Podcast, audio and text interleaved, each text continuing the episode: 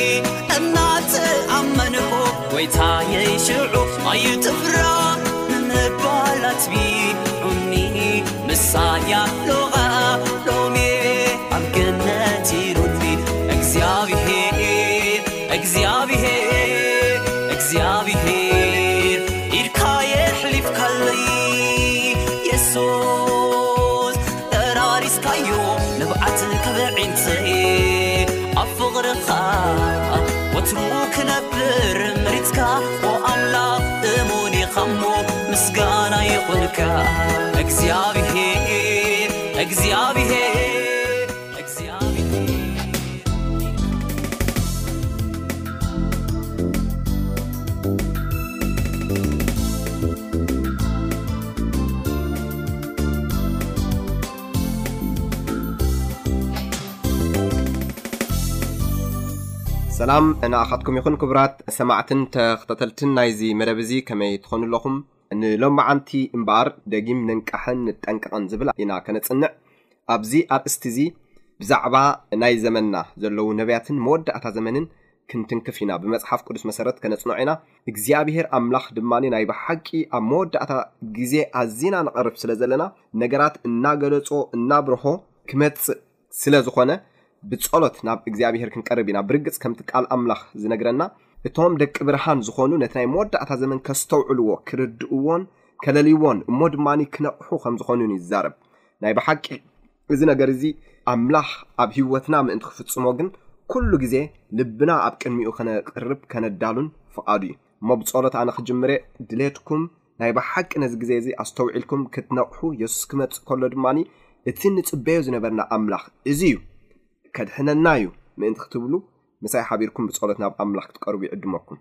ንጸሊ እምበኣር ዘላለማዊ ኣምላኽ ክብሬ ንኣኻ ይኹን ኦ ጎይታ ስለ ምሕረትካን ፍቅርኻን እዚ ክቡር ግዜ ሂብካና ኣለኻ ምጽኣትካ ኣዝዩ ቀረባ ከም ዝኾነ ከምቲ ቃልካ ዝብሎ ድማ እዚ ነገራት ኩሉ ክፍጸም ከሎ እቲ ፈራዲ ኣብ ኣፍ ቤት ምቅራቡ ፍለጡ ኢልካና ኣለኻ እሞ ዋ ኣምላኽ ብመንፈስ ቅዱስካ ሓግዘና ምርዳእ ሃበና ኣብ ቃልካ ናይ ብሓቂ እግዚኣብሄር ነዚ ግዜና ከነስተውዕል ክንክእል ነዚ ግዜና ከነለሊ ክንክእል ብጸጋኻ ደግፈና ካብ ኩሉ ክፉእ ባልሃና ብስም ወድኻ የሱስ ክርስቶስ ክትብል ኣሜን። ሕራይ እምበኣር ብርግጽ እዚ ግዜ እዚ ናይ መወዳእታ ዘመን ምዃኑን ናይ ብሓቂ ድማ ከነስተውዕልን ኢየሱስ ክርስቶስ ባዕሉ ኣብ ቃሉ ተዛሪቡና ኣሎ። ኣብዚ መወዳእታ ዘመን ዝኸውን ፍጻሜታት ኣመልኪቱ ክዛረብ ከሎ ክርስቶስ ብፍሉይ ኣዝዩ ኣገዳሲ ዝኾነ መለለዪ ሂብና እዩ ዘሎ። ሕጂ ናይ ብሓቂ ኣብዚ ግዜ'ዚ ክንርኢ እንከለና ዘመናዊ ጥንቁልና ኣብ ነብያት ሓሶት ኢና እንርኢ ዘለና። የሱስ ክርስቶስ በቶም ናቱ ደቀ መዛሙርቲ ምስ ተሓትተ ድማ እዚ ነገር እዚ ከም ዝመጽእ ወይ ድማ እዚ ነገር እዚ ከም ዝኸውን ኣቐዲሙ እንታይ ገይሩ ነይሩ እዩ? ተዛሪቡ ነይሩ እዩ። ኣብ ማቴዎስ ምዕራፍ ዕስራን ኣርባዕተን ኬድና ክንርኢ እንከለና የሱስ እቶም ደቀ መዛሙርቲ ናብኡ መጺኦም እንታይ እዮም ኢሎም ሓቲቶሞ? ትእምርቲ ምምጻእካን መወዳእታ ዓለምንከ መዓስ እዩ? ማለት ኢሎም ክሓትዎ ከለዉ እስኪ ንገረና ብዛዕብኡ ክብልዎ ከለዉ ኢና ንርኢ። ትእምርቲ ምምጻእካን መወዳእታ ዓለምንከ እንታይ እዩ? እስኪ ንገረና እናበሉ ናብኡ ቀረቡ እዩ ዝብለና ቃል ኣምላኽ። ክርስቶስ እታ መጀመርታ ዝተዛረባ ብዛዕባ ካልኣይ ምጽኣት ክርስቶስ ምልክታት ክዛረብ ከሎ እንታይ ኢሉ ተዛሪቡ ኣብ ቁጽሪ ኣርባዕተ የሱስ መሊሱ በሎም ሓደ እኳ ከየስሕተኩም ተጠንቀቑ። ሕጂ እታ መጀመርታ ቃል ዝበላ ኣብ ማቴዎስ ዕስራን ኣርባዕተን ቁጽሪ ኣርባዕተ ክርስቶስ ሓደ እኳ ከየስሕተኩም እንታይ ግበሩ ተጠንቀቑ። ድሓር ኣብ ቁጽሪ ሓሙሽተ እንታይ ኢሉ ኣነ ክርስቶስ እየ እናበሉ ብዙሓት ብስመይ ኪመጹ እዮም እሞ ንብዙሓት እውን ኬስሕቱ እዮም ይብል። ደሓር ነጢሩ ኣብ ቍጽሪ ዓሰርተ ሓደ ነዛ ተመሳሳሊት ቃል እዚኣ ይደግመልና ክርስቶስ። እንታይ እዩ ዚብለና? ኣብ ማቴዎስ ዕስራን ኣርባዕተን ቍጽሪ ዓሰርተ ሓደ፣ ብዙሓት ነብያት ሓሶት ኪትንስኡ፣ ንብዙሓትውን እንታይ ኪገብሩ እዮም? ኬስሕቱ እዮም። ሕጂ ነስተውዕል ኣብዚ፣ ክርስቶስ ደጋጊሙ እዩ ነዚ ቃል እዚ ዚዛረቦ ዘሎ። ደሓር መበል ሳልሳይ ከኣ ይደግመልና ኣብ ቁጽሪ ዕስራን ኣርባዕተን። ኣብ ቁጽሪ ዕስራን ኣርባዕተን ኬንና ክንርኢ እንከለና ናይ ሓሶት መሲሃትን ናይ ሓሶት ነብያትን ኪመጹ እዮም እሞ እንተ ተኻእሎምሲ ይብል ነቶም ሕሩያት እኳ ኬስሕቱ እንታይ ይብለና ቃል እግዚኣብሄር ዓበይቲ ትእምርትን ተኣምራትን ኪገብሩ እዮም። ክርስቶስ ነዚ ነገር እዚ ደጋጊሙ ክዛረብ ከሎ ሕጂ ነስተውዕሎ ኣብ ሓንቲ ምዕራፍ ጥራይ ብዙሕ ግዜ ክደጋግሞ ከሎ እንታይ እዩ ዘረድኣና ወይ ድማ እንታይ እዩ ዘርእየና ዘሎ እንተ ኢልና ኣገዳስነት ኣገዳስነት ናይዚ መልእኽቲ እዚ ማለት እዩ።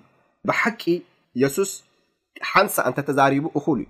ክልተ ግዜ እንተ ተዛሪቡ ወይ ካብኡ ንላዕሊ ክዛረብ ከሎ ክሳዕ ክንደይ ከነቕልበሉ ይግብኣና ማለት እዩ። ስለዚ የሱስ ኣብ ሓንቲ ምዕራፍ ጥራይ እዛ ነገር እዚኣ ክደግማ ከሎ ከነስተውዕላ ኣዝዩ ኣገዳሲ እዩ።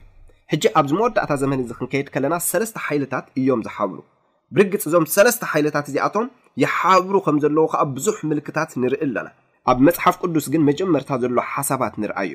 ኣብ ቃል እግዚኣብሄር ኬድና ክንርኢ እንከለና ኣብ ራእይ ዮሃንስ ምዕራፍ ዓሰርተ ሽዱሽተ ቍጽርታት ዓሰርተ ሰለስተን ዓሰርተ ኣርባዕተን ቃል እግዚኣብሄር ክዛረብ ከሎ ከምዚ ይብል፣ ካብ ኣፍ እቲ ገበልን፣ ሕጂ ሰለስተ ሓይልታት ማለት እዩ፣ ካብ ኣፍ እቲ ገበልን ካብ ኣፍ እቲ ኣራዊትን ካብ ኣፍ እቲ ነብዪ ሓሶትን ይብል። ካብ ቁርዖብ ዚመስሉ ሰለስተ ርኹሳት መናፍስቲ ኪወጹ ከለዉ ርኤኹ፣ እዚኣቶም ይብል፣ ትእምርቲ እናገበሩ፣ ሕጂ እቲ ቀንዲ መለለዪ ናይ ሰይጣን ትእምርቲ እዩ፣ ማለት እቲ ቀንዲ መሳርሒ ዚኸውን ዘሎ ማለት እዩ፣ ትእምርቲ እናገበሩ ንነገስታት ኩላ ዓለም ይብል፣ በታ ዓባይ መዓልቲ ናይቲ ኩሉ ዝኽእል ኣምላኽ ንውግእ ኪእክብዎም ዚወጹ ናይ ኣጋንንቲ መናፍስቲዮም። ሕጂ ሰለስተ ሓይልታት እዩ ጠቒሱ ዘሎ። ገበል፣ እቲ ጸረ ክርስቶስ፣ እቲ ቀዳማይ ኣራዊት፣ እቲ ካልኣይ ኣራዊት፣ ኣብ ራእይ ዮሓንስ ዓሰርተ ሰለስተ ዘሎ እቲ ነብዪ ሓሶትን። እዚኦም ሰለስቲኦም ሓይልታት ሕብረት ብምግባር ንብዙሓት ሰባት እንታይ ይገብሩ ማለት እዩ? ናብ ናይ ዘልኣለም ጥፍኣት ከእትዉ ዚሰርሑ ከም ዝኾኑ ይረድኣና ማለት እዩ። ሕጂ ኣብዚ ግዜ እዚ እንታይ ኢና እንርኢ ዘለና? ብመጽሓፍ ቅዱስ መሰረት ክንርኢ እንከለና፣ ኣብዚ ግዜ እዚ እንታይ ዓይነት ፍጻሜታት ኢዩ ዝፍጸም ዘሎ? መጽሓፍ ቅዱስ እንታይ ይምዕደና ወይ ድማ እንታይ ይምህረና? እንታይ ኢዩኸ ዝኸውን ዘሎ? ምናልባት እስኪ በዚኣ ክንጅምር ደልየ ኣለኹ። ሕጂ እዚኣ መቸም ሓንቲ ካብቶም ነቤት ኢየ በሃሊት ኢያ። ብርግጽ ሕጂ ቀደም ብዙሕ ግዜ ብዛዕባ ነብያት ሓሶት ክንብል እንከለና ካብ ሃገርና ወጻኢ ጥራይ ኢና ብዙሕ ግዜ ንዛረብ ኔርና ሕጂ ኣብ ሃገርና ግን ኣዝዮም ፈልፊሎም በዚሖም እዮም ዘለዉ ሕጂ እዚ ኩሉ ድማ ኣብ ኤርትራ ይኹን ኣብ ኢትዮጵያ ይኹን ኣብ ሱዳን ይኹን ኣብ ዝኾነ ከባቢ ክንከይድ ከለና ነብያት ሓሶት ኣብ ብምሉኡ ዓለም እንታይ እንዳኾኑ እዮም እናተንስኡ እናሰርሑ እዮም ዝኸዱ ዘለዉ እዚኦም ሰለስተ ሓይልታት ድማ ማለት እቲ ገበል እቲ ጸረ ክርስቶስ ናይ ጵጵስና ሥርዓት ማለት እዩ። እቲ ሣልሳይ ድማ እቲ ነቢይ ሓሶት እዚ ሎሚ ኣብ ብዙኃት ነቢያት ዝግበር ዘሎ ክንሪኦ እንከለና ኩሎም ሓደ ዕላማ እዩ ዘለዎም ንሰባት ጠርኒፍካ ናብ ጥፍኣት ምእታው ማለት እዩ። ሕጂ እቲ ንቃል እግዚኣብሔር ዘጽንዕ ሰብ ጥራይ እዩ ኣብዚ መወዳእታ ዘመን እዚ ክሕሎ ዝኽእል። እሞ ሕጂ ግን እስኪ እናሰማዕናዮም ንኺድ፣ ምስኡ ድማ ብቃል እግዚኣብሄር መሰረት እናመዘንናዮ ክንከይድ ኢና። ሕጂ ንምንታይ እዩ እዚ እንገብሮ ዘለና? መጀመርያ ኣብዚ ሓደራ ክብሎ ዝደሊ እንታይ እዩ፣ ነዚ ክንርኢ እንከለና ግዜና ኣብኡ ከነጥፍእ ኣይኮነን። እዚ መዘናግዒ ኣይኮነን። እዚ ናይ ብሓቂ ሰባት ናብ ጥፍኣት ዘእቱ ዘሎ እዩ። ሕጂ ሕሰብዎ፣ ንዘልኣለም ካብ ኣምላኽ ክትፍለ ከለኻ፣ ማለት ምስኡ የለኻን እንተ ትበሃል እንታይ ምተሰማዕካ ነይሩ ወይ እንታይ ምተሰማዕኪ ነይሩ? ሕጂ ብዛዕባ ናይ ዘልኣለምነት ኢና ንዛረብ ዘለና። ገለ ሰባት ከም መዘናግዒ ክገብርዎ ወይ ክስሕቁ ይኽእሉ ይኾኑ። ግን እዚ መዘናግዒ ወይ መስሓቕ ዝኾነ ነገር ኣይኮነን። እዚ ናይ ሕይወትን ሞትን ጉዳይ እዩ። ስለዚ በዚ ነገር እዚ ክንመዝኖ ይግብኣና። ነዚ ድማ ግዜና ከነጥፍኣሉ የብልናን። ክንሪኦም ኢልና ወይ ክንሰምዖም ኢልና ናባታቶም እንኸደሉ ምኽንያት ክህልወና ኣየድልን እዩ። ምናልባት እዚ መልእኽቲ እዚ ከምጽኦ ከለኹነ ብቐሊሉ ተዳልዩ ብዝጸንሐ መገድታት ወይ ድማ ሰባት ይሰዱልካ። ኣብቲ ናትካ እዚእታት ክሪኦ ከለኹ ኣብ መወዳእታ ብቃል ኣምላኽ መሰረት እናተመዝነ ክቐርብ ኣለዎ ስለ ዝበልኩ እየ ኣምጺኤ ዘለኹ እምበር ኣብኡ ኬድና ግዜና ከነጥፍእ ኣይግብኣናን እዩ። ስለዚ እዚኣ ሓደራ ክብል ይደሊ ማለት እዩ። እምበኣር ሕጂ እስኪ መጀመርታ እዚኣ ክንጅምር ኢና። እዛ ነቢቴ በሃሊት እንታይ እያ ትብል ዘላ? ንስምዓያ። ምስታ ዳክተር ሬቨረንድ ዘምጻኹሉ ሓሳብ ያ። እቲ ጸጋ ኣብ ኩሉ ከም ዝተዋህበ ሃዋርያት ውን ዝኽሕድዎ ኣይመስለንን ግን ማይ ኮስችን ኢዝ ክሊር ኢዩ ሕተተኒ ዮኒ ሓወይ ደስ ዝብለኒ ብዙሕ ሕቶታት ኣለኒ ክሳብ ክምልሶ ይደሊ ኣነ ነዚ ሕቶ እዚ። ሕጂ ደቂ ኣንስትዮ ኢልና ምሽ ካልኣይ ከኣ ሰብኣይ ዘይብለን ኢልና ሕጂ ሃዋርያት ስለምንታይ Christ ዓሰርተ ክልተ ደቂ ተባዕትዮ ሃዋርያት ጥራይ what do you think እንታይ ይመስለኪ ንምንታይ ሕጂ እዚኣ ንምንታይ መልሲ ንስማዓያ ኣብዚ ሓሳብ ክትህብ ከላ ንሳ። ተመስገን መቸም ያ። ዓሰርተ ክልተ ሓዋርያት ኮይኑ የሱስ ክመርጽ እንከሎ ትፈጥሮም ካብ ካብ ሓዋርያት ኣነ ከም ድበልጽ ኣንስካ ከም ትበልጽ። ሕጂ እዚኣ ትኣኽለና እያ ብዙሕ ምስማዕ ኣየድልየናን እዩ ብዚ ሕጂ። ብርግጽ ኣዝዩ ዘሕዝን እዩ ምናልባት ብድሕሪኡ ዝበለቶ ክትሰምዕዎ ትኽእሉ ኢኹም እንተደሊኹም ግን ኣነ ኣየተባብዓኩምን እየ ምኽንያቱ ኣብ ሱቕ ኢልካ ሃጠው ቆጠው ግዜኻ ኣብ ምጥፋእ እዩ ማለት እሳቶም ብደም ናይ የሱስ ክርስቶስ ኣይተዓደጉን ኣነ ግን ብደም የሱስ ክርስቶስ እየ ተዓዲገ እያ ትብል ዘላ። ኣዝዩ ዘሕዝን ነገር እዩ። መጽሓፍ ቅዱስ ክነግረና ከሎ እንታይ እዩ ዝብለና? ብዛዕባ ክርስቶስ ክዛረብ ከሎ ካብ ምስራት ዓለም ዝተሓርደ ገንሸል ብዛዕባ ሃዋርያት ክነግረና እንከሎ ብንጹር የሱስ ክርስቶስ ነዞም ሃዋርያት ምስ ሓረዮም ናይ ብሓቂ እዞም ሃዋርያት እዚኣቶም ንየሱስ ክርስቶስ ዝለበሱ ባህሪኡም ብምልኣት ዘንጸባርቑ እዮም ነይሮም። መጽሓፍ ቅዱስ ክነግረና ከሎ ወላ እውን እቲ ብደም ከም ዝተዓደግና ዝነግር ጽሑፍ ኣበይ ኢና ንረኽቦ እንተ ኢልና ሃዋርያ ጴጥሮስ ካብቶም ሃዋርያት ዝተዛረብዎ እዩ። ኣብ ብሉይ ኪዳን ይኹን ኣብ ሓድሽ ኪዳን ብዘይ ናይ የሱስ ክርስቶስ ደም ኣብ ምድሓን ክኣቱ ዝኽእል ዋላ ሓደ የለን። መጽሓፍ ቅዱስ ክነግረና ከሎ ብዛዕባ ኣብርሃም ወይ ብዛዕባ ኣቤል እቲ ቀዳማይ ዝሞተ ክነግረና እንከሎ ብእምነት እዩ ኣብ ክርስቶስ ተወኪሉ እንታይ ዝኾነ ብደም ናይ የሱስ ክርስቶስ እንታይ ዝገበረ ምድሓን ዝረኸበ ማለት እዩ። ሕጂ እዛ ጽሕፍቲ እዚኣ ግን ከንብበልኩም እየ ኣብ ቀዳማይ ጴጥሮስ ምዕራፍ ሓደ ዘሎ ሓሳባት ከንብበልኩም እየ ቀዳማይ ጴጥሮስ ምዕራፍ ሓደ ካብ ቁጽሪ ዓሰርተ ሸሞንተ ጀሚረ ክንብበ ካብቲ ካብ ኣቦታትኩም እተቐበልኩምዎ ከንቲ ንብረትኩም ከም ብደም እቲ ኣበርን ርኽሰትን ዘይብሉ ገንሸል ብኽቡር ደም ክርስቶስ እምበር ብጠፋኢ ነገር ብብሩር ወይስ ወርቂ ከም ዘይደሓንኩም ትፈልጡ ኢኹም ንሱ ቅድሚ ምስራት ዓለም ተመደበ ኣብ መወዳእታ ዘመን ግና ምእንታኹም እንታይ ኮነ ይብለና ተጋህደ ይብለና ሕጂ ኣብዚ ነገር እዚ ከነስተውዕሎ ዘለና እንታይ እዩ እግዚኣብሄር ኣምላኽሲ ናይ ብሓቂ እቶም ሃዋርያት ከተንስእ ከሎ ኮነ ዋላ እውን በዓል ኣብርሃም ምልስ ክንብል ከለና ኣብ ናይ በዓል ኣብርሃም ኣብ ናይ በዓል ኣቤል ክንርኢ ከለና ንኣብነት እንታይ ይገብሩ ነይሮም መስዋእትታት ይስውኡ ነይሮም እቲ መስዋእትታት ክስውኡ ከለዉ ኣብ ኣበዮም ዝውከሉ ነይሮም እቲ ደም ከፍስሱ ከለዉ ኣብቲ ሓቀኛ ገንሸል ክርስቶስ የሱስ ማለት እዩ ትርእይዎ ኣለኹም ነዚ ዘይፈለጡ ኣይኮኑን ወይ ድማ ብኡ ዘይደሓኑ ይኮኑን እዚኣቶም ሰባት እዚኣቶም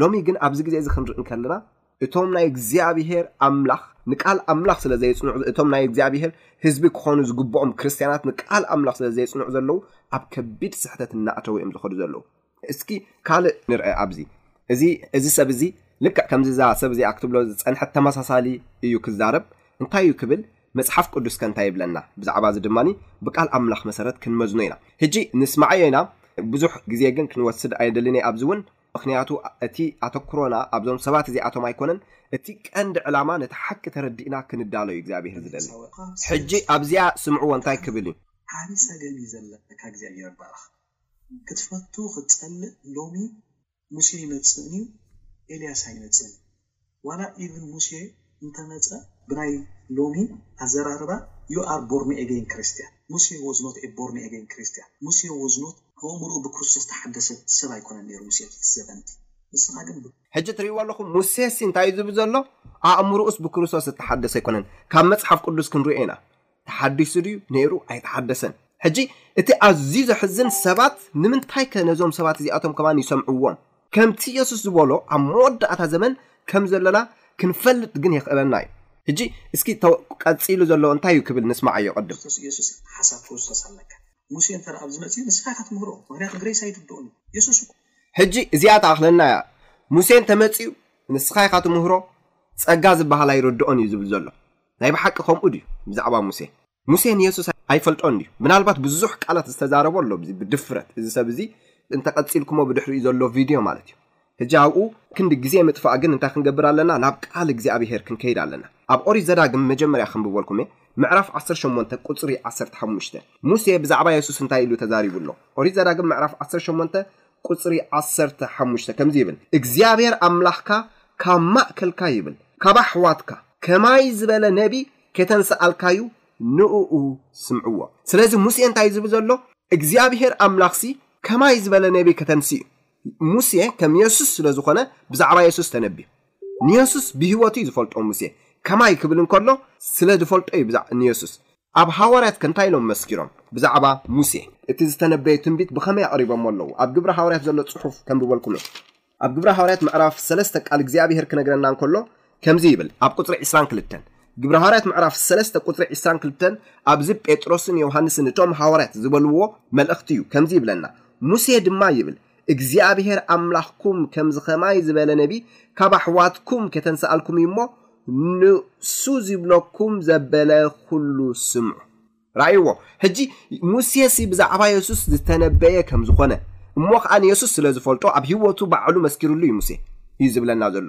ንሱ ጥራይ ዘይኰነ፣ ሙሴ ኣጸቢቑ ብጸጋ ኣምላኽ ዝደሓነ ሰብ እዩ። መጽሓፍ ቅዱስ ኪነግረና ኸሎ ኣብ እብራውያን ዓሰርተ ሓደ ኵሎም ናይ እምነት ጀጋኑ፣ ካብቲ ቀዳማይ ኣቤል እቲ ጻድቕ ዝሞተ ሰብ ኩሎም ኣብ ብሉይ ኪዳን ዘለዉ ኣብኡ ተጠቒሶምልና ዘለዉ ብጸጋ ብእምነት ከም ዝደሓኑ ይነግረና። ሙሴ ከኣ ብፍሉይ ንጸጋ ኣምላኽ ገሊጽዎ ኣሎ።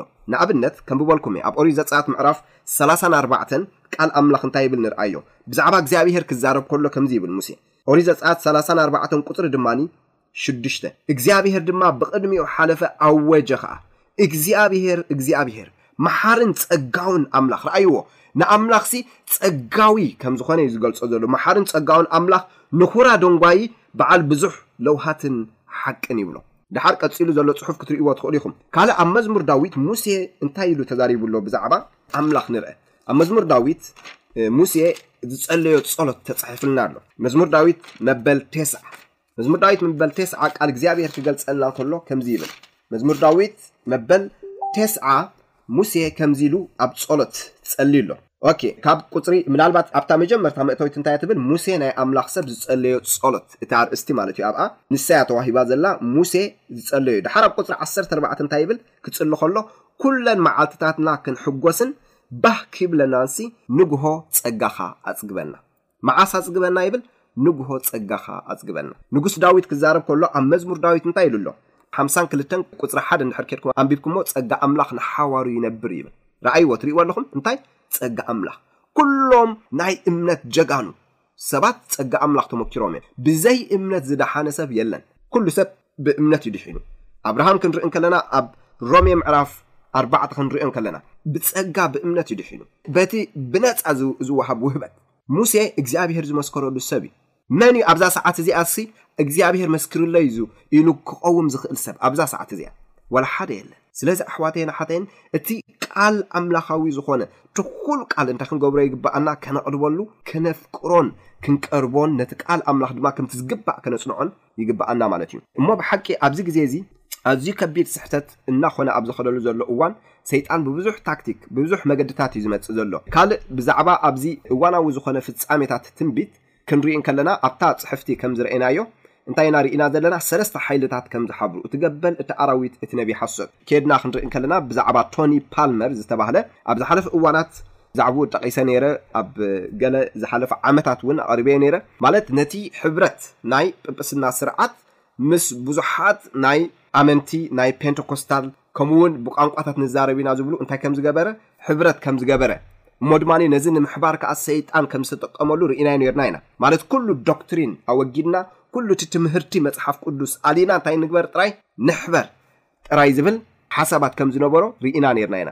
ሕጂ ብተመሳሳሊ ከምኡ ዓይነት ምንቅስቓስ ኣብ ብዙሕ ናይ ኤርትራ ከምኡ ውን ናይ ኢትዮጵያን ተጀሚሩ እዩ ዘሎ። ኣብ ናይ ኢትዮጵያ ምናልባት እታ ቪድዮ ኣብዚ ኣየምጻኽዋን ዘለኹ ግን ኣብ ናይ ኢትዮጵያ ኣብ ቀረባ እዋን ኣብዚ ዓመት እዚ ዝተገብረ ኩለን ኣብያተ ክርስትያናት ክሓብራ ተጸዊዐን ሓንቲ ቤተክርስትያን ክፈልይዋ ከለዉ ንርኢ ብዛዕባኣ ተዛሪቦም ኣብቲ ተለቭጅን ናይ እትዮጵያ ተዘርጊሑ ዘሎ ማለት እዩ ብዛዕባ ሻብዐይት መዓልቲ ኣድቬንትስ ቤተክርስትያን እቲ ቀንዲ ምክንያት ንሻብዐይት መዓልቲ ኣድቬንትስ ቤተክርስትያን ዝፈለያ ስለምንታይ እዩ እንተደኣኢልና መጽሓፍ ቅዱስ እንታይ እዩ ዝብለና ትእዛዛት ኣምላኽ ስለትሕሉ ማለት እዩ ዓሰርተ ትእዛዛት ናይ እግዚኣብሔር ትእዛዛት ስለዝኾነ ከምቲ ዘለዎ ክኽበር ከምዘለዎ ትምህር ሰብ ብእምነት ክጸድቕ እንተኾይኑ ንሕጊ እናፍረሰ ኣይኮነን እቲ ብእምነት ዝጸድቕ ሰብ ከምቲ ኣብ ሮሜ ክልተ ዓሰርተ ክልተ ዝብለና ብንጹር ማለት እዩ ኣብ ቅድሚ ኣምላኽ እቶም ገበርቲ ሕጊ ደኣ እዮም ዝጸድቁ እምበር ሰማዕቲ ሕግስ ጻድቃን ኣይኮኑን ከም ዝብለና ብሓቂ እቶም ብእምነት ብክርስቶስ የሱስ ክጸድቁ ዝኽእሉ ከምቲ ሃዋርያ ጳውሎስ ዝበሎ እምነት ንሕጊ ተደልድሎ እያ ኢልና ኣሎ ኣብ ሮሜ ሰለስተ ሰላሳን ሓደን ኣይተፍርሶን እያ ንሕጊ እምነት እቲ ጸጋ ዝቕበል ሰብ ብዝተቐበሎ መጠን ሓላፍነት ኣለዎ ነቲ እግዚኣብሄር ዝኣዘዞ ነገር ከተግብሮ ማለት እዩ ነቲ ሕጊ ኣምላኽ ዝፍጽም ዘበለ ከኣ ትሕቲ ሕጊ ኣይኮነን ዝኸውን። ሕጂ ትሕቲ ሕጊ ዝኸውን ኩሉ ግዜ ኣብ ኣበባህላ ናይ ትግርኛ ኣሎ እንታይ ዝበሃል ኣሎ ትሕቲ ቀይዲ ኣትዩ ማለት ሓደ ሰብ እንድሕር ሰሪቑ ትሕቲ ቀይዲ ወይ ከኣ ትሕቲ ሕጊ ይኣቱ እንታይ ማለት እዩ እቲ ሕጊ ይፈርዶ ማለት እዩ። ሕጂ እቲ ዘፍርስ ሕጊ እቲ ሕጊ ክፈርዶ እዩ መጽሓፍ ቅዱስ ከምኡ እዩ ዝብለና። ነፍሲ ወከፍና ብምንታይ መሰረት ኢና ንፍረድ? በቲ ናይ ሓርነት ሕጊ ዝብሎ መጽሓፍ ቅዱስ ኣብ ያእቆብ ከነጽንዕ ከለና እቲ ዓሰርተ ትእዛዛት ማለት እዩ። ሕጂ ሕጽር ብዝበለ ግን ስለምንታይ እዩ ሰይጣን ነቶም ንትእዛዛት ኣምላኽ ዝሕልዉ ሰባት እናጎሰየ ነቶም ካልኦት ኣሕቢርዎም ዝኸይድ ዘሎ? ቃል እግዚኣብሄር ክነግረና ከሎ ከምዚ ይብል። ክልተ ጥቕስታት ከንብብ እየ ኣብ መጽሓፍ ቅዱስ። መጀመርያ ጥቕሲ እቶም ትእዛዛት ኣምላኽ ዚሕልዉ ሰባት ከመይ ዝበሉ እዮም? ራእይ ዮሃንስ ምዕራፍ ዓሰርተ ክልተ ቍጽሪ ዓሰርተ ሸውዓተ፣ እቲ ገበል ከኣ ነታ ሰበይቲ ተቖጥዓ እሞ፣ ምስቶም ንትእዛዝ ኣምላኽ ዚሕልዉን ምስክር የሱስ ሒዞም ዘለዉን ዝተረፉ ዘርኣ ኪዋጋእ ከደ። ሕጂ እቲ ቀንዲ ነቶም ትእዛዛት ኣምላኽ ዚሕልዉ ዘይደለዮም እዚ ገበል እዚ፣ ነቶም ነብያት ሓሶት ዚምህርዎም ዘበሉ ኵሎም ዚሕብሮም ዘሎ፣ ነቲ ጸረ-ክርስቶስ ዚሕብሮ ዘሎ ስለምንታይ እዩ? እቶም ትእዛዛት ኣምላኽ ዝሕልዉ ነዚ ገበል ኣይኮነን ዝእዘዝዎ፣ ንድያብሎስ ኣይኮነን ዝእዘዝዎ፣ ንእግዚኣብሄር እዮም ዝእዘዝዎ ዘለዉ። መጽሓፍ ቅዱስ ክነግረና እንከሎ እዚኦም ካልኦት ኩሎም ግን ንመን እዮም ዝእዘዙ ዘለዉ? ፈትዮም ጸሊኦም ነቲ ገበል ወይ ድማ ነቲ ድያብሎስ እዮም ዝእዘዙ ዘለዉ። ስለዚ ኣሕዋት ኣብዚ ነገር እዚ ከነስተውዕሎ ይግብኣና። ኣብ ራእይ ዮሃንስ ምዕራፍ ዓሰርተ ኣርባዕተ ቁጽሪ ዓሰርተ ክልተ ከምዚ ይብል፣ እቶም ንትእዛዛት ኣምላኽን ንእምነት የሱስን፣ ኣብዚ ነስተውዕል፣ ክልቲኡ ኣብ መወዳእታ ዘመን ተዋሂቡ ዘሎ ትንቢታዊ መልእኽቲ እንታይ እዩ? ናይቶም ሰለስተ መላእኽቲ መልእኽቲ እዩ። እዚ ናይዞም ሰለስተ መላእኽቲ መልእኽቲ፣ እቶም መላእኽቲ ንምንታይ እዮም ዘመልክቱ? ነቶም ናይ መወዳእታ ዘመን እሙናት ኣገልገልቲ ኣምላኽ ነቲ ትንቢት ዳንኤልን ራእይ ዮሃንስን ብፍሉይ ከምቲ ዝግባእ ዝሰብክዎን ዘመሓላልፍዎን ሰባት ንኣታቶም እዩ ዘመልክት። በዚ ቃል እዚ መሰረት ክንርኢ እንከለና ኣብ ራእይ ዮሃንስ ምዕራፍ ዓሰርተ ኣርባዕተ ካብ ቁጽርታት ሽዱሽተ ክሳዕ ዓሰርተ ክልተ ናይቶም ሰለስተ መላእኽቲ መልእኽቲ ክንገር እንከሎ ናይ ዘልኣለም ወንጌል ተባሂሉ እዩ ዝጽዋዕ። ኣብዚ ናይ ዘልኣለም ወንጌል እዚ ክንርኢ እንከለና እንታይ እዩ ዝብለና ኣብ መወዳእታ ክውድእ ከሎ ማለት ብዛዕባ እቲ ኣራዊት ብዛዕባ እቲ ምስሉ ብዛዕባ እቲ ናቱ ማሕተም ምስ ኣጠንቀቐ ኣብ ቁጽሪ ዓሰርተ ክልተ እንታይ ይብል እቶም ንትእዛዛት ኣምላኽን ንእምነት የሱስን ክልቲኡ ወላ እኳ ብእምነት ሰብ ይድሓን እምበር ሕጊ ኣምላኽ ዘፍርስ ግን ብእምነት ኣይድሕንን እዩ። እቲ ሕጊ ኣምላኽ ዘፍርስ ዘበለ ሰብ ክጸድቕ ብእምነት ኣይክእልን እዩ። ምክንያቱ ሕጊ እንዳፍረሰ ዝጸድቕ ሰብ የለን። እናሰረቐ ዝድሕን ሰብ የለን። እናቀተለ ዝድሕን ሰብ የለን። ነቲ ሕጊ ስለ ዘፍረስካ እኮ እዩ እንታይ ዘድልየካ ደም የሱስ ክርስቶስ ጸሪኻ ናብኡ ንኸይትምለስ ጸጋ ዝወሃበካ። እቲ ጸጋ ዝወሃቦ ሰብ ንምንታይ ዕላማ እዩ? ናብቲ ሓጢኣት ንኸይምለስ እዩ። ሓጢኣት እንታይ እዩ? ምፍራስ ሕጊ ኣምላኽ እዩ እዩ ዝብለና ቀዳማይ ዮሃንስ ምዕራፍ ሰለስተ ቁጽሪ ኣርባዕተ። ናብኡ ክንምለስ እግዚኣብሄር ኣይደልየናን እዩ። እቲ ጽድቂ ዝገብር ንሱ ጻድቕ እዩ ተባሂሉ ኣብ ቀዳማይ ዮሃንስ ምዕራፍ ሰለስተ ተነጊሩና ኣሎ። ኣነ ንኣምላኽ እፈልጦ እየ ዝብል ትእዛዛቱ ዘይሕልዎ ንሱ እንታይ ይብል ቃል እግዚኣብሄር? ሓሳዊ እዩ። ስለዚ ኣብዚ ሕብረታት እዚ ክንርድኦ እንከለና ሓደ ቀንዲ ዝጽላእ ዘሎ እንታይ እዩ ናይ እግዚኣብሄር መምርሒ እቲ ናቱ ትእዛዛት እዩ። ኣዝዩ ዘሕዝን እዩ ብሓቂ እዞም ሰባት እዚኣቶም ክምህሩ ከለዉ እንታይ ኢሎም እዮም ዝምህሩ እንተ ኢልና እቲ ትእዛዛት ኣምላኽ ከም ዘየድሊ ኣብ መስቀል ከም ዝተሸንከረ ሕጂ ኣብዚ ነስተውዕል ቅኑዓት ሰባት እንተ ዄንና፣ ንቃል እግዚኣብሄር እንድሕር ክምቲ ዝግባእ ከነስተውዕሎ ንደሊ እንተ ዄንና፣ ክንምርምሮ ክንጅምር ኢና። ኣብ መስቀል ዝተሸንከረ ሕጊ፣ እቲ ኣምላኽ ብሙሴ ክትጸሓፍ ዝፈቐዶ ሕጊ ሙሴ ተባሂሉ ዝፍለጥ ሕጊ እዩ። እግዚኣብሄር ይህብዎ ግን ሕጊ ሙሴ እዚ ጽላሎት ዝነበረ እዩ። እንተኾነ ግን ጐይታ እንታይ ይገብር ኣሎ? ነዚ ወንጌል እዚ ክስበኽ ዕድል ሂቡና ተመለሱ ይብለና ኣሎ።